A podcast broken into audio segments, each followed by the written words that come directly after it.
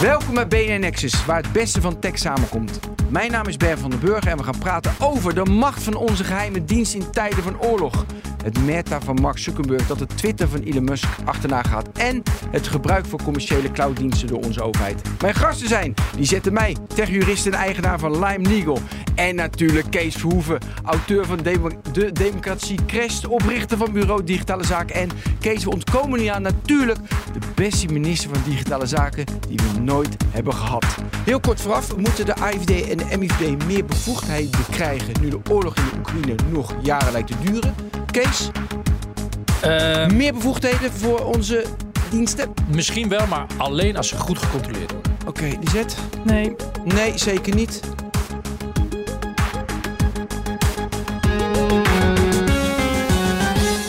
Bij ons natuurlijk ook eh, aangeschoven Daniel Mol. Daniel, je was ziek, maar nu ben je er weer helemaal bij. Ja, en Nou, mijn eerste weer. keer. Eerste keer, helemaal keer. niet weer. Ik heb nog een hoesje, dus eh, ik heb geen kuchknop, heb ik net gehoord. Dus het wordt een uitdaging, maar eh, we gaan de eindstreep gewoon halen hoor. Hartstikke goed. Elke donderdagavond een nieuwe aflevering van deze podcast. Abonneer je dus op de BNN Nexus op je favoriete platform. En vergeet niet hem te beoordelen en delen met je netwerk. Iedereen moet het weten. Dan kunnen ze allemaal door. Ja, Eerst een hostred, Ben. Gaan we nu doen. Over het cloudbeleid van onze overheid leven veel vragen. Waarom overstappen naar een publieke cloud? Hoe veilig zijn mijn gegevens in de cloud? Werk in de cloud is veiliger dan informatie opslaan op eigen netwerken en systemen, omdat je binnen de cloud in één keer voor alle gebruikers veiligheidsupgrades kunt doorvoeren. Maar wanneer mag je nu wel of niet met je project de cloud in? En wat voor risico's brengt dat met zich mee? De zeven meest veelgehoorde vragen hebben we voor je gebundeld zodat je zelf kunt inschatten hoe je als overheid met je cloudproject dient om te gaan. Ga naar aka.ms slash public cloud en download daar de pdf 7 veelgehoorde vragen. Publieke cloud, hè? niet public cloud. Jij zit helemaal in het- het Engels. Oh, I'm sorry. I'm sorry. Oké, publieke cloud. Goed gedaan. Dank u wel. Eh, we gaan door, want nummer 1, de geheime dienst, de IVD en de MIVD willen meer macht. Daniel, wat is het verhaal? Ja, wat nou, is de actuele aanleiding? hè? D- dit speelt natuurlijk een tijdje. We hebben de, de oorlog in Oekraïne Ja, maar eh, deze week actueel. deze week actueel. Nou ja, er is een rapport verschenen van de MIVD en de IVD. Dat heet 24-2. 24-2. Ze hebben gevoel voor dramatiek. Want dat is 242. natuurlijk een, ver- een verwijzing naar, eh, naar 9-11. Toen alles veranderde, ook eh, voor de inlichtingen. Nou, dit, dit speelt natuurlijk al even. De, de, er ligt een eh, nieuwe tijdelijke inlichtingenwet bij de Tweede Kamer. Er ligt ook een stukje nog bij de Raad van State ter beoordeling. Ehm, ja, en daar is best wel wat commentaar op geweest. Eh, onze Nexus-collega Bert Hubert is opgestapt bij de, bij de, bij de toezichthouder. Ja. En dat is, eh, ja, dat, dat is eh, een, echt wel een, een heet hangijzer. Kees, ik ben wel benieuwd. Ehm, is die oorlog aanleiding genoeg om een wijziging eh, te maken? Nee, eigenlijk niet. Eh, het, wordt altijd gebruikt als een aanleiding. Hè? Dus ik zag het inderdaad gisteren eh, heel kort even op televisie langskomen dat eh Akerboom inderdaad ook, die begon ook over de vergelijking met 9-11 en 24-2. Dat wordt altijd gedaan. Dus eh, eh, de, de, de, de oorlog of dreiging of, of, of elk groot misstand wat mensen raakt, wordt altijd gelijk aangegrepen om eh, het aantal bevoegdheden van veiligheidsorganisaties te vergroten. Het is absoluut Ja. gewoon een veelgeziene trend, wordt altijd gedaan. Ja, en daar is, daar is 9-11 het grote startpunt van geweest als het gaat om digitale bevoegdheden. Dus dat is, ik vind het eigenlijk best wel vreemd dat ze die knipoog zo nadrukkelijk leggen eigenlijk. Waarom? Ik vind- Waarom? Ja. Nou, omdat ik, omdat het is eigenlijk een cliché waar je eigenlijk weer een serieus punt van maakt. Ja, Dus maar is- soms is het cliché handig om er iets er doorheen te nou krijgen. ja, misschien dan wel voor de mensen eh, in Nederland die dat niet helemaal kunnen overzien eh, zoals ik het dan nu zie. Maar ik vind, en ik denk dat dat voor ons hier in de studio geldt, dit is gewoon een cliché om weer te zeggen, oké, er is iets aan de hand, dan gaan we vragen om meer bevoegdheden. Ja, Lisette, ik, Ja. vind het, ik weet niet of je het uit je hoofd weet, maar ik wil even van wat de bevoegdheden nu zijn en wat er mis is en waarom ze meer moeten. Kan je dat een beetje plaatsen of overvraag ik je nu? Nou, wat ze in ieder geval, wat ik nu zo op eh, eh, kan noemen, is wat ze ook graag willen, is ongerichte eh, ja, kabelinterceptie. Dus dat je bulkdata kan verzamelen en daarna pas gaat kijken, wat is nou eigenlijk handig voor mij? En daar zit ook meteen eigenlijk een heel groot pijnpunt. Want ja, wat je dan hebt is een megadataset met ook mensen waar natuurlijk eh, niets mee aan de hand is. En dan wil je eigenlijk zeggen, ik wil meer tijd hebben om te kijken, is die data nuttig ja of nee? En dat meer tijd kan zelfs oplopen tot oneindig. En dat zijn bepaalde bevoegdheden die ze willen. En natuurlijk, net werd Bert al genoemd, eh, ook de toetsingsbevoegdheid van de, van de eh toezicht. Ja, ik noem het even de, de, de toezichthouders. Ja, de toetsing, ja. de TIB. Ehm, ja, die was vooraf en dat is daar ook uitgehaald. Want wat gebeurt er dan als je vooraf moet toetsen? Dan word je natuurlijk geremd in wat je Ja. moet doen. En in nijpende situaties als deze, waar natuurlijk als voorbeeld wordt gegeven, heb je die tijd niet om te wachten. Dus laten we ehm, daarmee stoppen. Ja, dat is ook grappig, hè? Want grappig. het, gaat, eh, het gaat nu naar, naar tijdens de actie en achteraf. ja. Ehm, wat wel grappig is, zij geven de, de, de eh, geheime diensten die geven als reden, ja, weet je, Rusland en eh, eh, China hebben ook geen toetsingscommissie, dus die kunnen hartstikke snel opereren.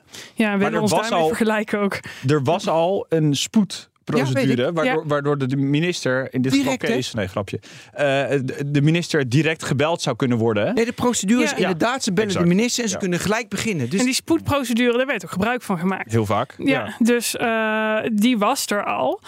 Maar het is natuurlijk makkelijker als we het gewoon uithalen. Ja, moeten wel. Ik ben, niet, ik ben niet voor deze veranderingen. En ik ben ook kritisch. Ik ben altijd wel kritisch geweest. Maar ik, ook de sleepwet ja. Nee, ja, ja, prima. Kom maar, kom maar. Lekker, lekker. Nee, maar we moeten Nee, even uitleggen. altijd goed naar blijven kijken. Ja, nee, ik heb een sleepwet achtergrond. Ik heb ja, moeten heel veel Kamerlid, bla bla dat bla. Oké, sorry. Nou, ik ben Kees Verhoeven. Ik ben Kamerlid geweest. En in de tijd dat de sleepwet voor de eerste keer weer in de Kamer kwam, was ik eerst heel fel tegen. En uiteindelijk hebben we met een aantal stappen hebben we het iets verbeterd. En een van de dingen die verbeterd is, even los van mijn politieke rol en hoe ik dat Nee, allemaal dat gedaan heb, allemaal niet toe. wat er verbeterd is, is dat het toezicht verscherpt is. En ik vind dat toezicht in dit soort grote bevoegdheden, die moeilijk te overzien zijn, die heel ver kunnen gaan, maar waarvan geen Kamerlid en geen, geen normale Nederlander weet wat het precies inhoudt, is toezicht cruciaal. We hebben goed toezicht geregeld. Dus eigenlijk is, zijn de diensten een van de best gecontroleerde diensten ter wereld. En wat we nu doen, of wat dreigt te gebeuren, is het verzwakken van het toezicht, in ieder geval vooraf. Maar er zijn ook mensen die ook wel aan de, in mijn ogen, goede kant van de streep staan. Die zeggen ja, maar we moeten ook het toezicht tijdens en achteraf, dat moeten we juist ook heel erg gaan versterken. Want het gaat juist steeds dynamischer worden. Dus je hebt ook dynamische toezicht nodig. Dus de vraag is, wordt het slechter toezicht, zwakker toezicht, uitgehold toezicht, wat we absoluut niet moeten willen? Of wordt het ander toezicht? En de vraag is wel even of het andere toezicht op sommige punten juist ook weer beter aanstaat bij de realiteit. En daar moet het over gaan. Maar het, het uithollen van de toezicht vooraf... Dus het niet meer toetsen Want- of iets mag gebeuren, dat is natuurlijk in mijn ogen ook heel zorgelijk. Want Want de tip heeft juist heel veel slechte dingen tegengehouden. En dat Ja. moet zo blijven. Ja, maar wat, waar ik ook op benieuwd naar jouw visie dan ben, is als je zegt we doen die toezicht tijdens, is dat niet heel bewerkelijk? Want eh, is het, dat kost je. Ik ben het wel mee eens dat het goed zou zijn dat je niet alleen vooraf doet. Want ja, je wil natuurlijk ook weten, heb je gedaan zoals je het had moeten doen? Wat je bijvoorbeeld ook zag in die jaarverslagen, dat dat soms niet het geval was. Maar zo'n toezicht tijdens of achteraf. Ja, dat is wel een, een eh, ander niveau of een ander level dan wanneer je dat vooraf doet. Want je moet ook helemaal kijken, wat doe je dan? Waar ben je nu mee bezig? Eh, Waarom doe je dat? Vind ik dat dan oké? Ga, ga je dat dan op dat moment dan nog stopzetten? Ja, Ja. ik vind dat ook moeilijk. Maar het is er nu al, hè? Er is nu al. We hebben twee toezichthouders nu, hè? Ja. Je hebt de Ja. toetscommissie vooraf, Ja. tip. Ja. Die nu wordt, wordt verzwakt. Wat ik inderdaad ook zorgelijk vind, want die hebben heel veel ellende voorkomen. Dus ik zou zeggen, hou de tip scherp. Waarom niet? Hou de tip goed. Nou, vanwege die traagheid zegt men dan, maar dan denk ik van, Ja. dan ben ik het eigenlijk met Ja. Lisette eens. Nee, maar je hebt ook langdurige onderzoeken. Maar daarnaast heb je de CTIVD, de Commissie Toezicht op Inlichting en Veiligheidsdiensten. En die doen nu al tijdens en achteraf toezicht. En die komen drie keer per jaar met een rapport en zeggen ze, ja, de diensten hebben daar weer een fout gemaakt, Ja. daar weer een wet overtreden. Dus het toezicht tijdens is er ook al. Maar die balans, die is eigenlijk. Maar nou je moet dat allebei perfect, eigenlijk maar dat, die zorgt voor een goede balans. Vooraf, ja, nee. Maar Lisette, je bedoelt toch ook gewoon, nu is er acuut een aanval. Er moet, nu willen ze direct ingrijpen. Dan kan je toch iemand bellen die onafhankelijk tussen aanhalingstekens, een toetsingscommissieleden, die gelijk meekijken wat de AVD en MVD doen. En dat is dan toch prima? Maar je wilt toch eigenlijk dat daar dus dan een, een, een instantie voor is, zoals de tip die je dan belt. Nou, dat is de, maar de- waarom wordt dat is toch oké? Ja, nee, dat vind ik juist oké, ja. Ja. Ja. Maar ze zeggen dat ze dat, dat ze dat gaan doen en dat dat veilig is. Ja, ik weet niet of dat Maar zo is. ik, ik vraag me af, is dit überhaupt wel aan de gang? Want ik heb het idee dat eh, eh, ze helemaal toen Rusland Oekraïne binnenviel, was het, was het verhaal van nou, nu, nu gaat cyber echt, nu gaan we het zien, nu gaat het echt belangrijk Helemaal worden. los. Terwijl het eigenlijk, eh, we hebben het nog steeds, we hebben het belangrijkste is nu dat we Leopard tanks gaan leveren. Nou, dat is niet helemaal waar. Er is wel een. De, dit is de meest cyber eh, Ja. gevoerde oorlog ooit. Hoe weet jij dat? Dat zegt de MIVD wat- in het nou, rapport. En en ook op, op, op artikelen van mensen die daar onderzoek naar doen, zoals Hype Modderkolk en dat soort mensen. Ja, ik, Ja. ik weet het ook niet. Ik zit niet met een, eh, met een, eh, Nee, met een straalzender maar te dat is- kijken. Maar Ja, Nou ja, ik lees... Het is niet zo dat er geen cyber. Nee, nee, nee, nee, Dat, nee. dat wil ik kijken even te Dat- counteren van, eh, van Daniel. Dat zeg Nou, ik ik las niet. in een rapport ook dat er eh, sprake was van cybersabotage. En dat er dus inderdaad zeker een cybercomponent. En je moet daar inderdaad vanuit gaan van die informatie dat daar natuurlijk eh, eh, ja, Dat, dat dat dan zo is. En dat wordt waarschijnlijk natuurlijk ook alleen maar meer in de tijd waar we in zitten. Maar de vraag is alleen, je wil ingrijpen, je wil jezelf verdedigen, je wil ontwrichting van onze digitale infrastructuur, dat soort aanvallen wil je voorkomen. En dan zeggen de diensten nu dus van ja, nee, als we dat willen doen, dan moeten we veel wendbaarder kunnen zijn. Ja. Ik, is dit is het argument dat ik altijd al gehoord heb. Van we moeten met onze handen op de rug Ja. tegen hè, Antwoord? wapenwetloop verliezen. Nou, ik vind dat op zich verdacht. Dus ik ben geneigd te zeggen nee, niet doen. Maar ik vind ook dat je wel moet kijken van oké, waarom vragen ze dat? Wat is er dan precies aan de hand? Kom eens met een goed voorbeeld. En kunnen we iets veranderen waardoor je bepaalde bevoegdheid wel krijgt. Passend in deze tijd. Die vervolgens wel Ja, heel maar scherp die gecontroleerd voorbeelden wordt. kunnen ze ook vaak niet geven. Want Nee, bijvoorbeeld dan, actueel... weer- dan zeggen ze weer, ja, we gaan ons niet, eh, de operationalisatie gaan we niet Precies. blootleggen. En dan komen ze met argumenten actueel deze week dat Ja. er een, een Russisch schip was dat Ja. windmolens in kaart Maar bracht. die is tegengehouden, dus ja. die is tegengehouden. voorbeelden. Ja, Maar ja, dat is- ja, Nou ja, wa- wat ik ook vind is dat we zeggen, dus nu een acute dreiging, dus we willen die tijdelijke wet hebben. Terwijl je zou ook kunnen zeggen van, goh, we moeten kijken naar wat kunnen we nu eigenlijk allemaal en is dat afdoende? Hè? Moeten we daar meer voor hebben? Moeten we dan eh, de wet daarop misschien aanpassen? Nu gaan we met een tijdelijke wet zitten en wat willen we over vier jaar evalueren, als ik het goed zeg eh, uit mijn hoofd. Daar krijg ik dus een beetje de kriebels van. Ik wil even naar een hele andere vraag. Zijn we nu eh, aan jullie alle drie hè, en ook aan mezelf?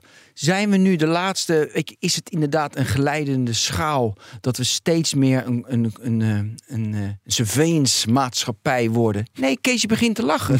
ja, jij begon ook te lachen. Ja, maar ik vraag me dat. Oh. Of valt dat best wel mee? Zijn de tegenkrachten dat we geen surveillance maatschappij worden groot genoeg?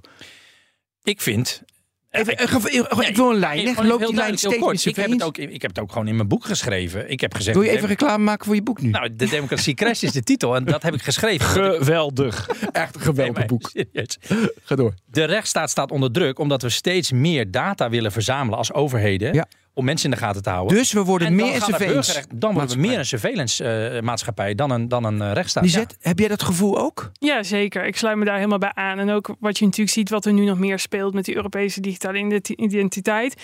We willen heel veel met z'n allen. En wat we ervan vinden, maakt niet zo heel veel meer uit. Daniel, heb jij dat idee ook?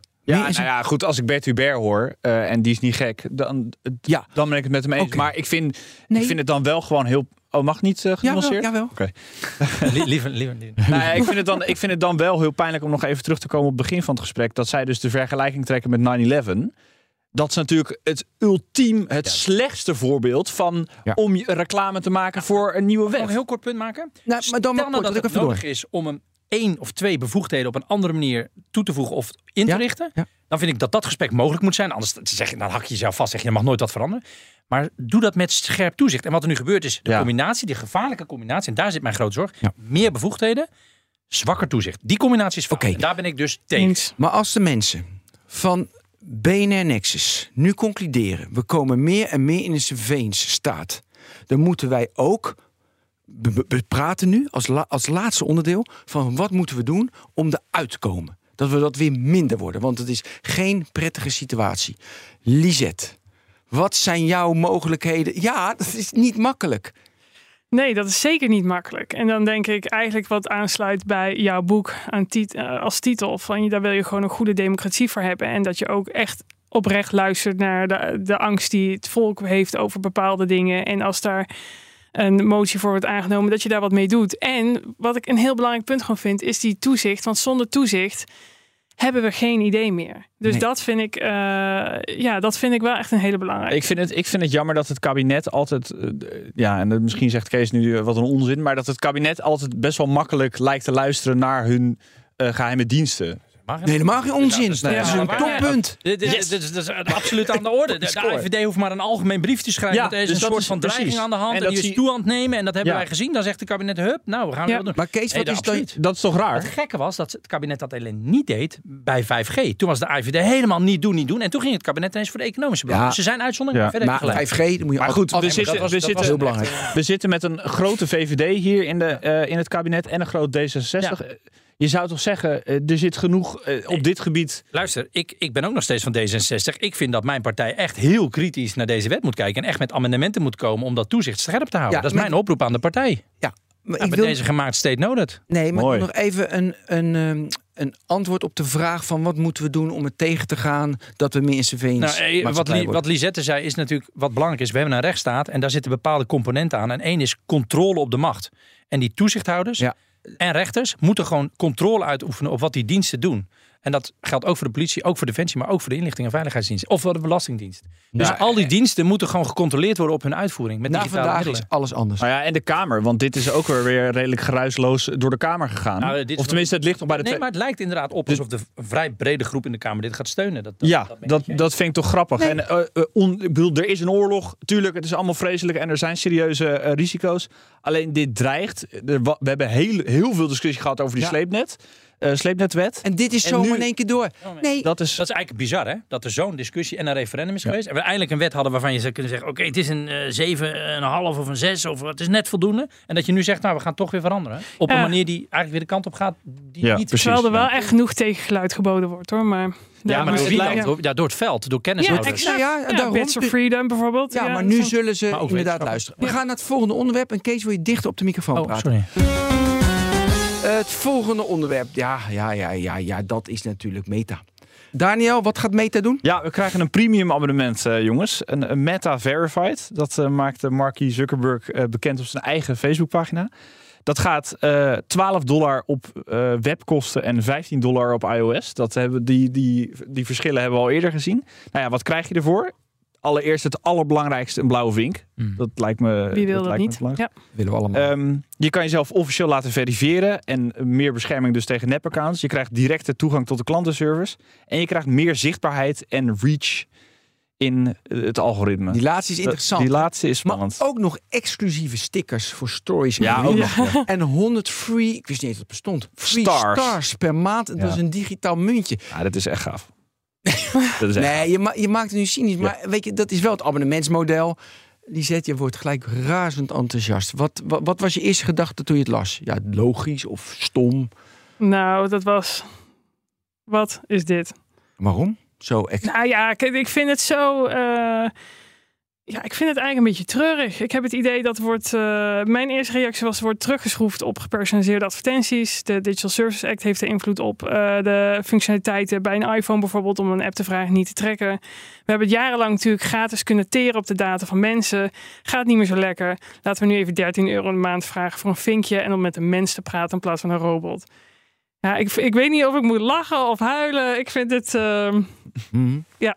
Kees? Ja, fascinerend. Slim dat, eh, dat jij de, die DSA erbij had. Die had ik er nog niet. eh, dat had ik nog Ik niet. weet niet of het zo maar Nee, ik ja, maar dat verdienmodel- dat, Nee, het dat verdienmodel loopt loopt op zijn zeker, end. zeker. Ja. Nee, maar dat is, dat, eh, daar had ik, ik had er een beetje over nagedacht. Eh, ik, ik zit hier niet zo goed in, want ik doe geen eh, meta. Hè? Dat is algemeen bekend. Hè? Ik zit niet op meta, dus ik ga ook niet meta premium doen. Nee. niet. Oh. Dus voor mij is het Maar je gewoon bent een wel, Dit- haalt je ook niet, over de. Ja, influencer, maar ik, ik, ik, ik, ik, ik denk dat inderdaad het verdienmodel met de gepersonaliseerde advertenties, dat, is natuurlijk, dat wordt steeds kritischer bekeken. Ik, ben, ik zeg altijd van doe gewoon stop met die gepersonaliseerde advertenties. Misschien gaat dat echt Dat is er niet doorheen in de DSA. DSA heeft dat. de, de, het parlement probeert het nog, Ja. maar Nee, dat gaat niet door. dat denk ik ook niet. Dus we houden voorlopig nog wel die. Maar als dat verdienmodel verandert, dan moeten ze dus op een nieuwe manier geld gaan verdienen. En dan doen ze het zo. En dan doen ze het inderdaad, daar ben ik helemaal met Lisette eens, op een trieste manier.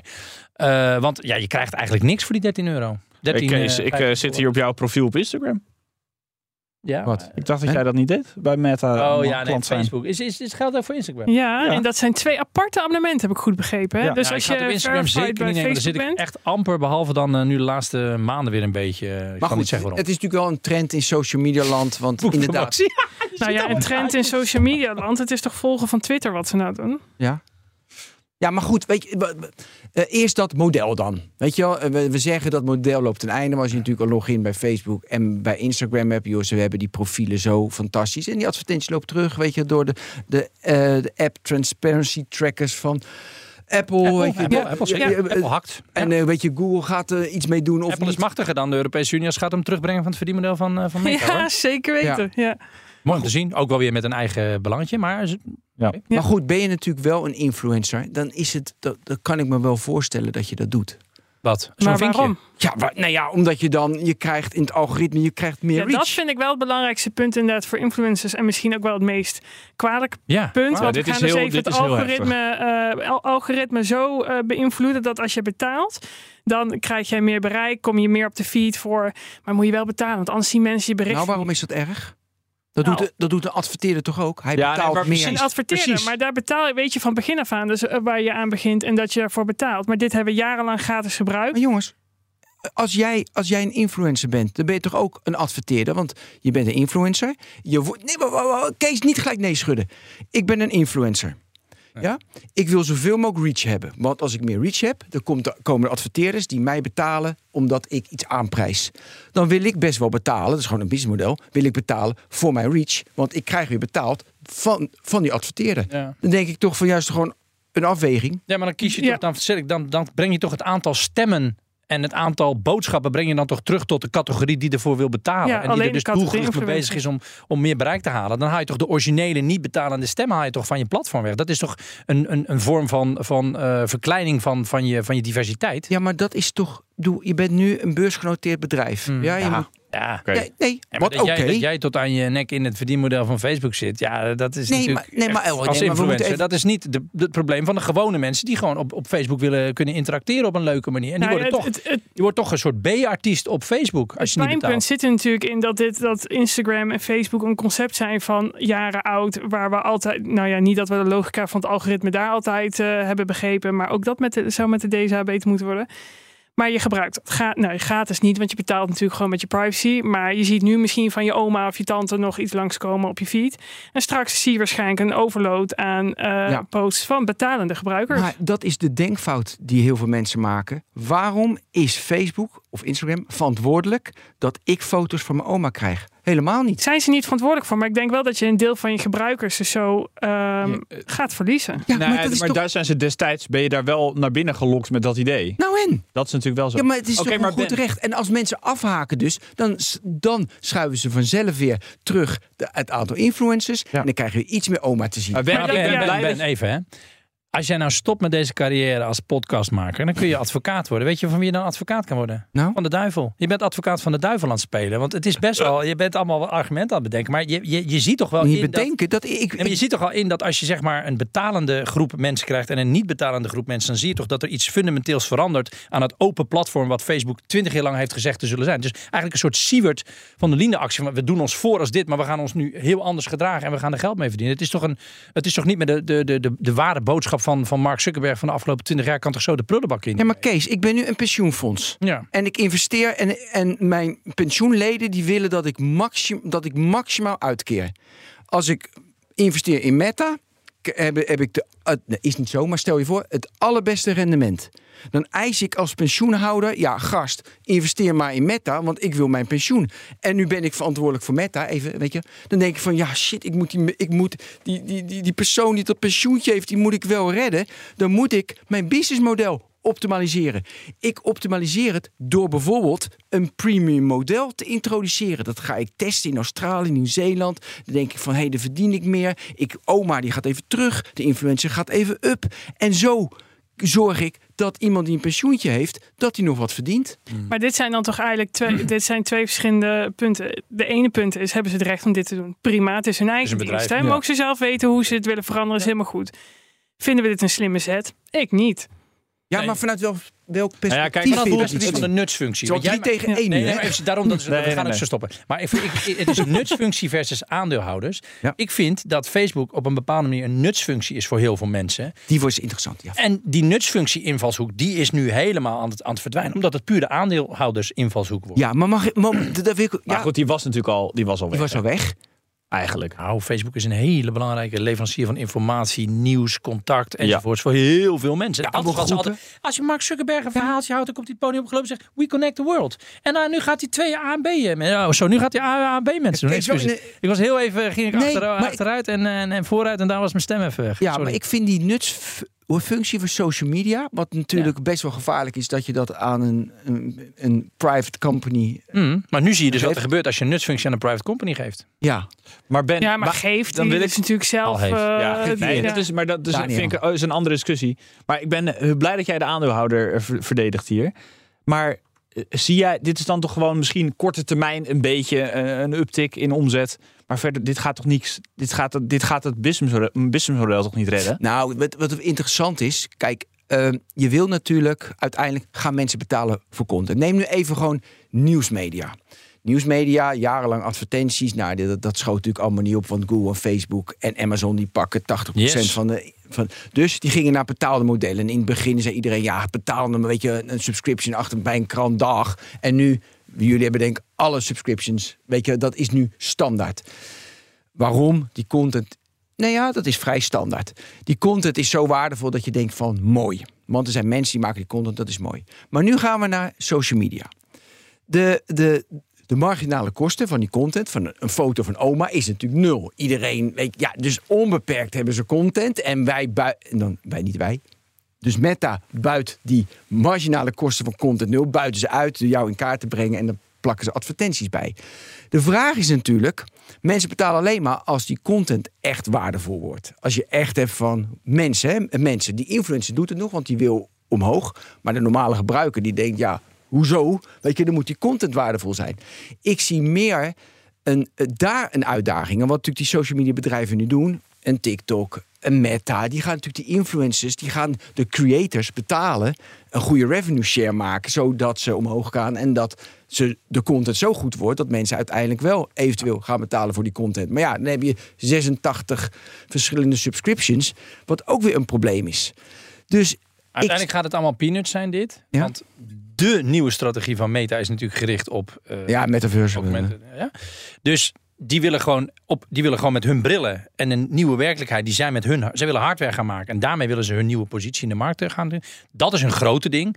En ik zie dit eigenlijk als, als een tussenstapje. Dus we kunnen ons wel heel druk om maken. Maar uiteindelijk. Ja, Ja, maar ja, die metaverse bij Meta is natuurlijk pas over tien jaar. Wat? Oh, nou ja, ja wel, dat duurt nog. Daar, Ja, jij bent de, Ah, jij bent de Dit is, dit, als je kijkt naar de grote vijf, zes techbedrijven in de wereld en welke strategie nu ze hebben, dan kan je van Meta veel zeggen.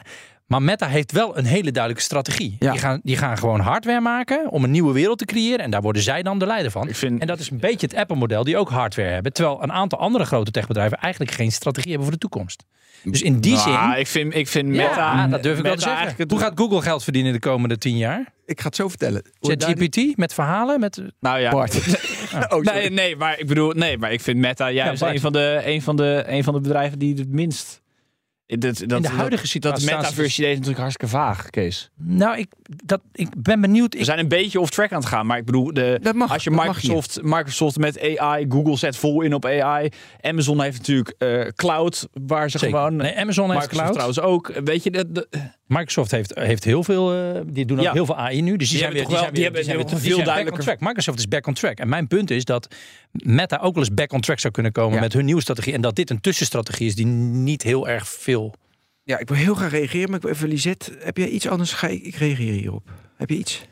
Nee, ja, nou ja, behalve dat ik niet denk dat dit ze gaat helpen bij de strategie. Maar ehm, Nou ja, wat, wat, wat ik wilde vertellen is, kijk, wat we wel zien dus, die trend van eh, datacollectie van gebruikers, advertentiemodel. Kijk, dat zie je met ChatGPT, 20 dollar per maand. Weet je, dus je ziet al die subscription modellen met de metaverse, praten ze ook al van, hé, hey, er wordt een subscription model.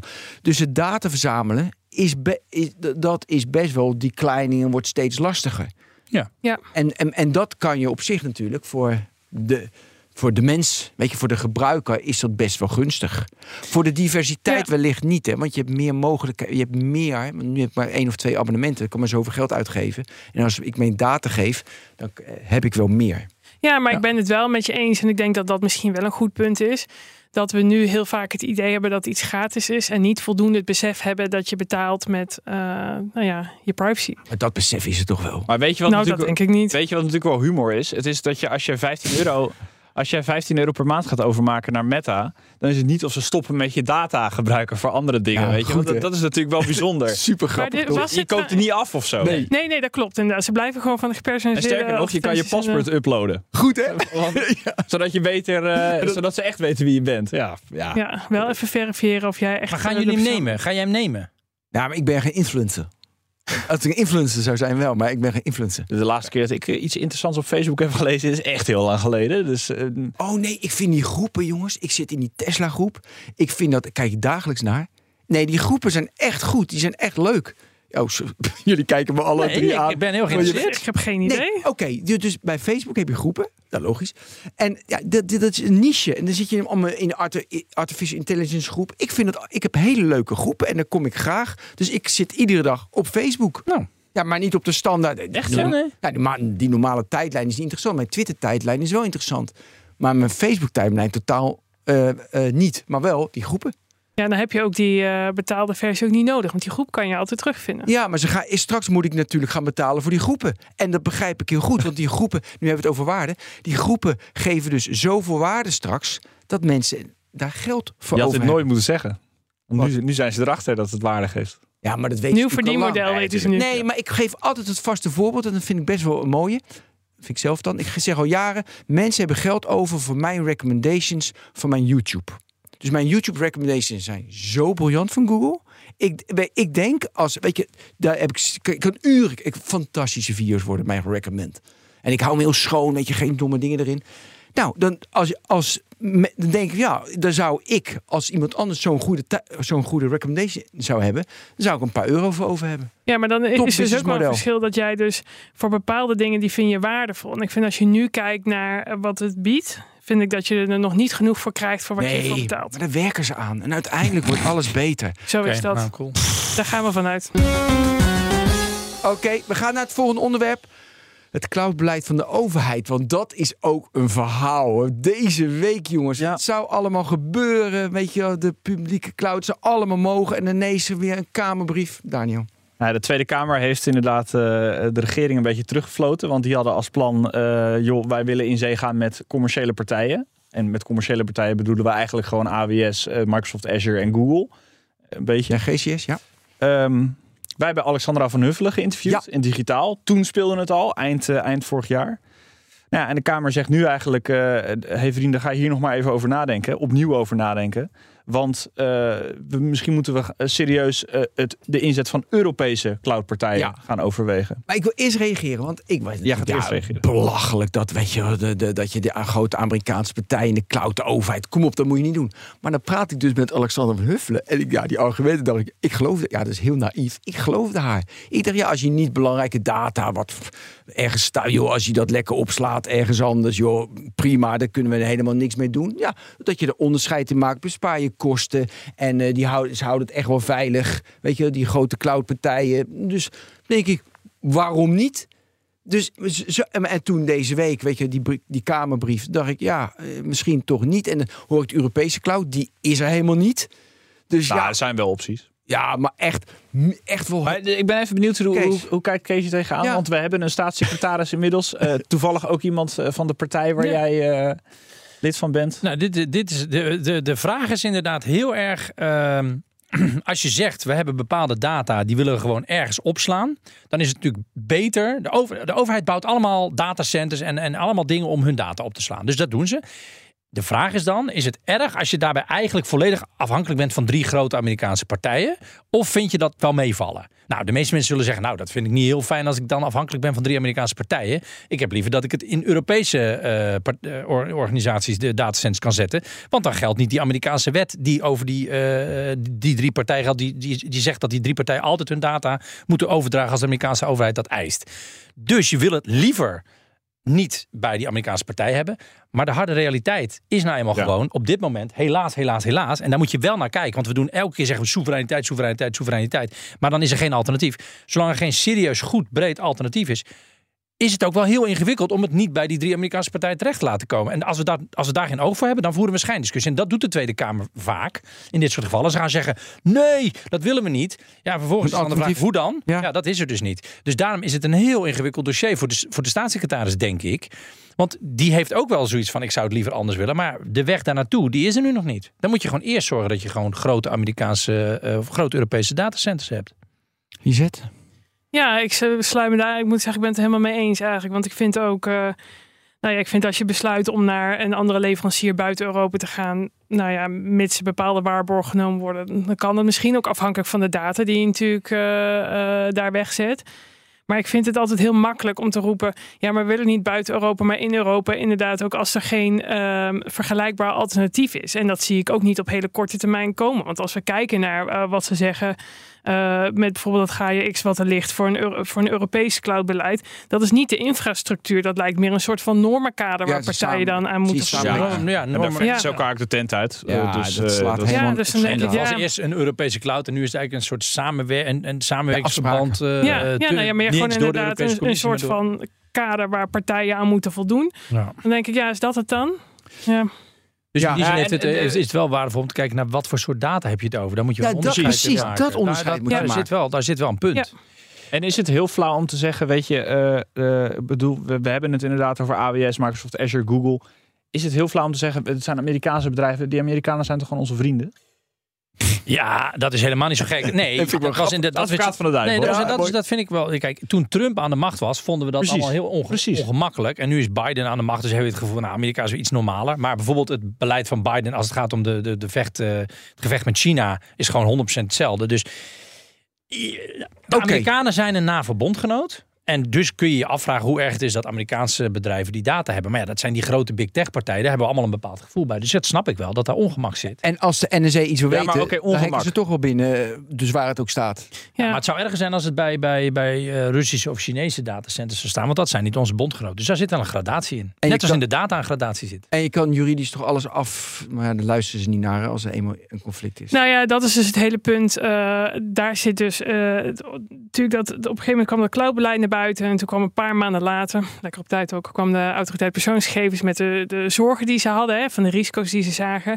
Maar eigenlijk zien die puur op export van data naar uh, de Verenigde Staten. Want inderdaad, zoals Kees al zei, kan de Amerikaanse overheid natuurlijk toegang eisen.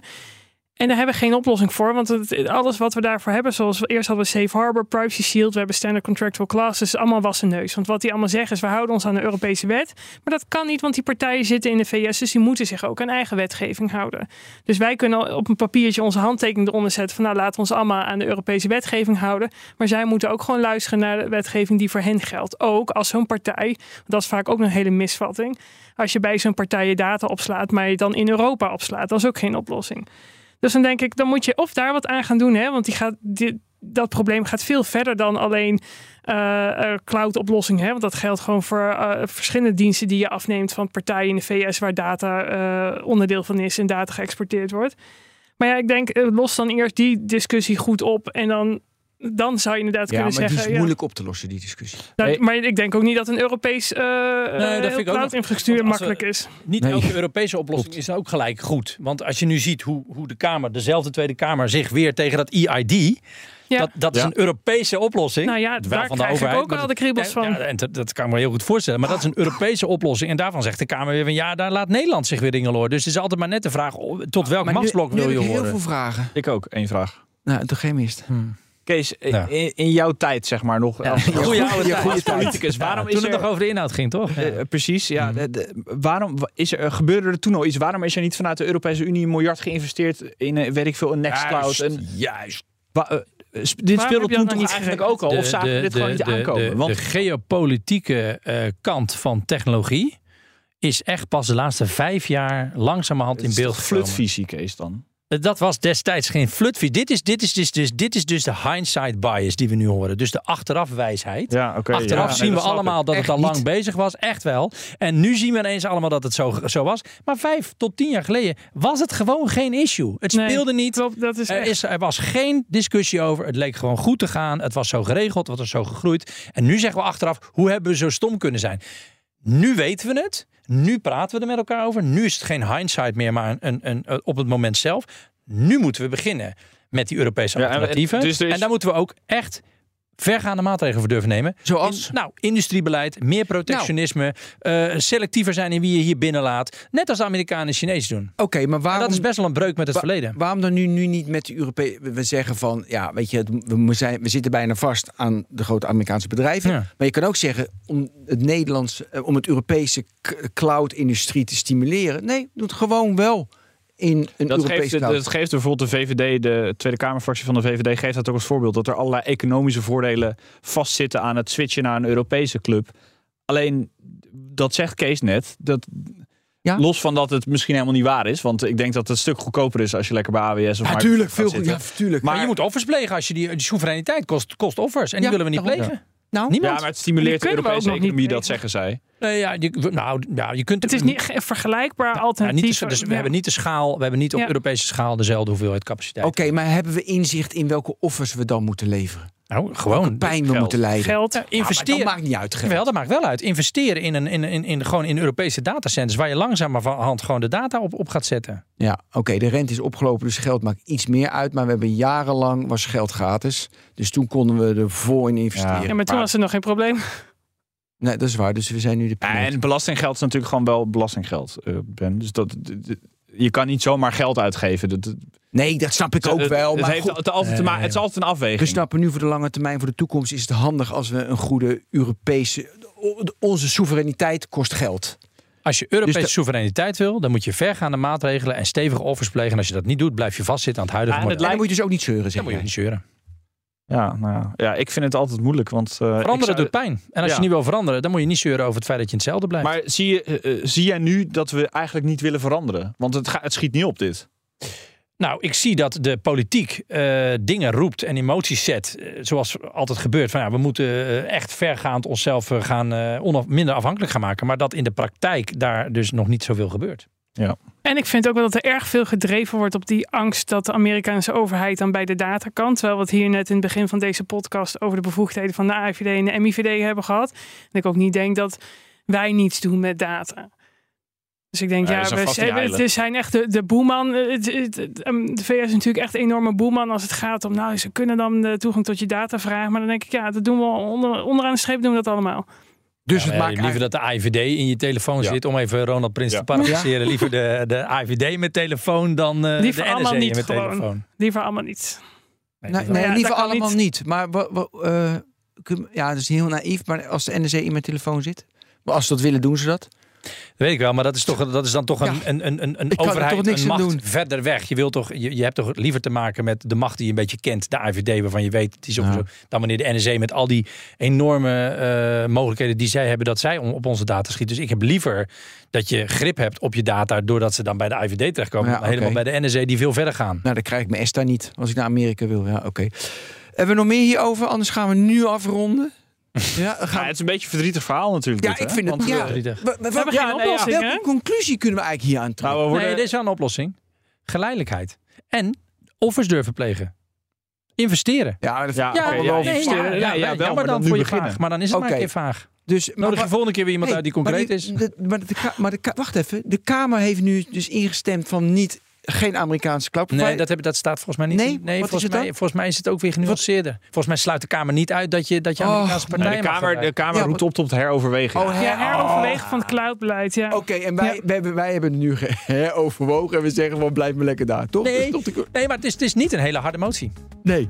Nee, het is een hele gezellige. Gaat weer lang duren, denk ik. Oké, ehm, nou ja, allemaal hartstikke bedankt. Lisette bedankt, Kees bedankt, Daniel bedankt. Ben bedankt. Ja, Ben bedankt. Ehm, dus dit was BNN Nexus. Luister elke donderdagavond de nieuwe aflevering voor de beste nieuwe inzichten in de wereld van tech. Tot ziens, hoi.